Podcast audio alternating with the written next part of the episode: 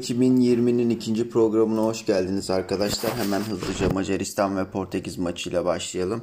Ben ikisinin de uzun zamandır maçlarını izliyorum. Bugün e, muhtemel 11'lerde şu şekilde olacak. Rui Patricio Semedo, Ruben Diaz, Pepe, Guerrero, Danilo William, Bruno Fernandes, Bernardo Silva, Cristiano Ronaldo, Diego Jota, Gulashi, Fiola, Orban, Atilla Zalai, Lovrensis, Klein Heisler, Adam Schaifer, Hollander, Roland, Adam Sallai. Bu şekilde iki takımın 11'leri olacak. Ben iki takımın da dediğim gibi maçlarını izledim. Genellikle Macaristan kenardan orta kesiyor ve özellikle sağ tarafını kullanıyorlar orta keserken.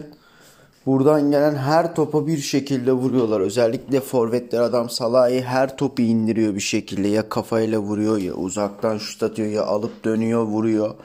Her türlü bir pozisyona girip bir şut atabiliyor. Bence bu turnuvadan sonra daha büyük bir takımda görebiliriz adam Salah'ı. Bunun dışında defansları da aynı zamanda çok kolay bir şekilde şut attırıyor. Yani bu onlar için muhtemelen bir problem olacaktır. Çünkü Portekiz'in bildiğiniz gibi yani kadroyu da saydık. Bruno Fernandes şut atabiliyor. Cristiano Ronaldo zaten müthiş bir yetenek. Bernardo Silva keza. Ee, bu oyuncular tehlike yaratabilir ki gelen her topu da vurabileceklerini düşünüyorum. Özellikle yine burada da Macaristan'ın sağ tarafı çok büyük açık veriyor defansta. Sağdan her türlü giriş çıkış yapabiliyorlar. Görece kendinden daha zayıf rakipleri bile Macaristan'ın sağ tarafını çok kolay kullanabiliyor. Macaristan'ın diğer öne çıkan artısı ise bence Portekiz maçında da bu öne çıkacak. Ön alan baskısı Portekiz'in önceki maçlarını izlediyseniz ön alan baskısı yediğinde çok fazla elleri ayaklarına dolaşıyor. Özellikle topu defanstan çıkarırken topu çabuk kaybediyorlar ya da çıkaramıyorlar hata yapıyorlar. Macaristan'da ön alanda çok agresif bir şekilde basıyor. Bu Portekiz açısından büyük ihtimalle sorun olacaktır. Eğer ön alan baskısı yaparlarsa maç içerisinde buradan gol bulabileceklerini düşünüyorum. Ee, Portekiz açısından da durum şöyle. Sol beklerin arkasına çok kolay sarkılıyor. Sol bekleri çok açık bırakıyor. Caner Erkin gibi düşünün. Hücumda fena değil. Caner'in bir tık altı bence hücumda. Ama defansta arkası çok açık. Gerçekten Caner gibi arkası açık atılan her top sıkıntı. İçeriye çok rahat kestiriyorlar. Defans oyuncuları birbirleriyle tam uyumlu değiller. Her topa vurduruyorlar. Kenardan gelen her topa bir şekilde rakip takım oyuncusu yükselip vuruyor. Bu onlar için sıkıntı olacaktır bence. Bir de büyük takım olgusu diyebiliriz. Buna büyük takım olgusu diyebiliriz. Şu şekilde bildiğiniz gibi büyük takımlar genellikle hücumla defans hattı arasında çok fazla boşluk bırakmazlar. Defans hattı öne çıkar. Burada Portekiz savunması da öne çıkıyor. Lakin bu Portekiz açısından büyük tehlike oluyor. Çünkü arkaya atılan her topta çok çok yavaş kalıyorlar. Arkaya atılan her top kaçırıyorlar ve defans olarak çok açık veriyorlar. Portekiz açısından da durum bu. Ben bu maçın bir farklı iki farklı ya da karşılıklı golle biteceğini düşünüyorum. Diğer maçımıza geçelim. Fransa-Almanya bence günün en keyifli maçı olacak. Ve bence yine Fransa maçı %98 kazanacaktır. %1 beraberlik, %1 de Almanya'nın kazanma ihtimali. Bence Almanya eski günlerinden çok uzakta. Defans olarak çok zayıflar. Topu kaçırıyorlar. Sağ ve sağ taraftan ve sol taraftan çok rahat orta kestiriyorlar. Gelen her ortaya bir şekilde rakip takım e, oyuncuları kafa vuruyor. Özellikle sol tarafları çok zayıf bence. Ki Fransa'nın sol tarafında da Mbappe oynuyor. Düşünün yani orayı nasıl kullanabileceğini. Bundan önceki maçlarda Mbappe'nin neler yaptığını.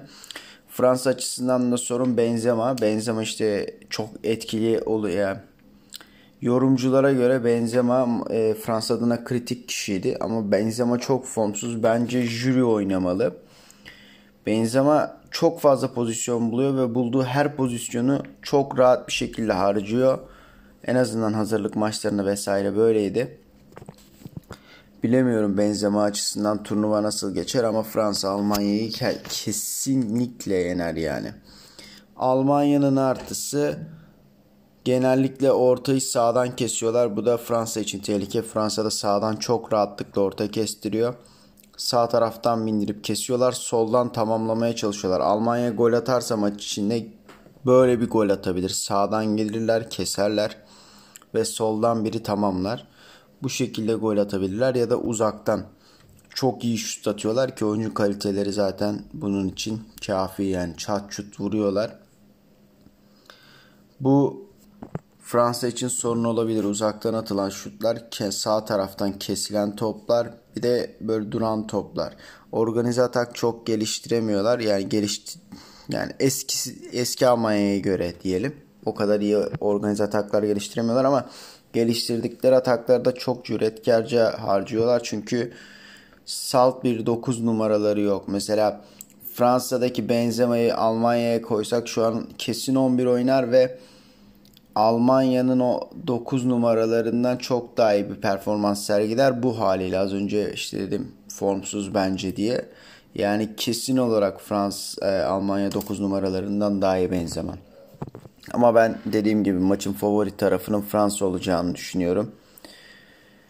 Löw çünkü çok formsuz bence yine. Löw açısından da çok son turnuvası bence yine Almanya'nın başında Löw'ün. Fransa buradan galip çıkar. Almanya da bir şekilde gruptan çıkar diye düşünüyorum. Diğer dün oynanan maça değinelim. İspanya, İsveç. İspanya çok iyi başladı ki zaten biliyorsunuz İspanya'nın teknik direktörü Barcelona'nın da eski teknik direktörü. 3-4 kupa almıştı zamanında. Guardiola'dan sonra Barcelona'nın son zamanlardaki en iyi teknik direktörü de aldı kupa sayısına bakarsak. Bence yani. En azından ben en iyi ikinci görüyorum. İspanya'yı da çok iyi oynatıyor. İsveç dün 2 pozisyon buldu. İspanya minimum 6-7 tane çok net pozisyon buldu ama Morata yani hazırlık maçlarında olduğu gibi bu maçta da formsuzluğunu sürdürdü. Gelen her topu ezdi. %100'lük bütün gol pozisyonları hiç etti yani. İspanya'nın Morata ile işi zor. Bence 4-6-0'a dönmeliler. 4-6-0'dan başka Morata ile çok zor biter yani bu turnuva. Çok iyi atak buluyorlar. Sağdan soldan geliyorlar. Orada da ortadan geliyorlar. Topu çeviriyorlar. ikili oyun yapıyorlar. İçeriye topla pasta giriyorlar. Her şeyi yapıyorlar. Dün İsveç karşısında futbol adına yapılabilecek ne varsa yaptılar. Ama maalesef şans onlardan yana olmadı.